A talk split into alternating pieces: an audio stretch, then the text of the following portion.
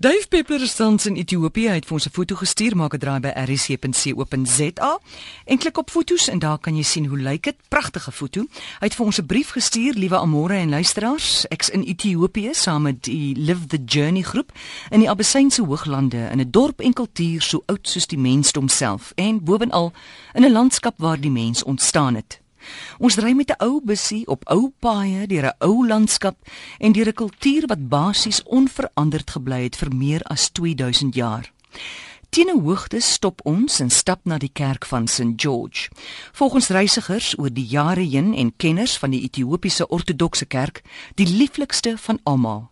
Hierdie verstommende gebou is uit rou rots gekap. Eers die toegangstonnels en gange en toe stukkie vir stukkie na die hart van die rots. Na die buitelyn bepaal is, het die versiering begin en die uithol van die binnekamers. Nou staan dit trots, onveranderd oor die eeue heen, oortrek met legene en bloukop koggelmanners wat in die son flits. Binne As jou oë eers die flou lig gewoond raak, word mens bewus van die dromerige rykdom om jou. 'n Stok ou priester dommel teen 'n muur.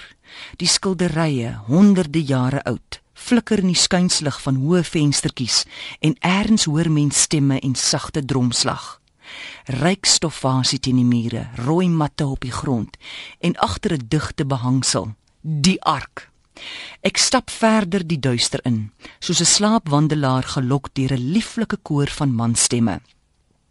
Hulle staan en sing, toegewikkel in handgeweefde klede lenend op lang kieries met silwerkruise aan die hef en voor hulle op die grond die tromslaaners gehurk oor die dromme. Op 'n eerbiedige afstand sit die kerkgangers, meestal ou mense die tyd van die dag en tel hul kommerkrale terwyl hulle met betraande oë na die skilderye kyk.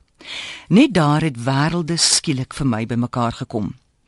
Hoe meer mens lees, dink, reis en praat oor jou lewe, Hoe meer skakels kan mens gewoonlik maak oor dinge wat op die oog af geen verband met mekaar het nie. Koneksies, koneksies, koneksies. Dis die beloning. Daarbuite landerye van Tef seker een van die mees seker een van die mees primitiewe en onveranderde landbougewasse op aarde. Osse en donkies doen die ploegwerk, primitiewe bokrasse bewy die heuwels en hange en hierdie hange het absoluut geen erosie nie. Sekerlik doen hierdie mense iets reg. Nou as ongelowige sê Dave, het ek nederig en dankbaar gestaan teenoor hierdie verstommende gemeenskap wat dit reg gekry het om hul heilige relieke en strukture oor talle eeue heen teen tyd, roes en motte te beskerm. Hierdie mense van Ethiopië is van die armstes op aarde en tog dink ek dat hul matelose geestelike rykdom het. Op die vlug na hier lees ek AC Grayling se aangrypende boek The Heart of Things waar Sokrates sê The life truly worth living is the considered life. He meant a life which is well informed, has worthwhile goals, and is lived discerningly, so that one can respond to others well and live flourishing for oneself. So that one can respond to others well. Sodat mense kan goed reageer op ander is vir my die sleutel hier en ook in my lewe. Hoe geseënd is die mense nie of die mens nie as hy nie vir net vir homself lewe nie, maar ook vir ander en bovenal ook vir die aarde wat ons voed.